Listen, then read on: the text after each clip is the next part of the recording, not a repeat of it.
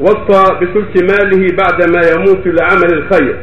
فهل ينفق على قرباه الذين لم يتوارثوا فيه أو على مشروع مسجد أو غيره؟ إذا أوصى الإنسان بشيء من ماله كالثلث أو الخمس أو السدس في وجوه الخير وأعمال الخير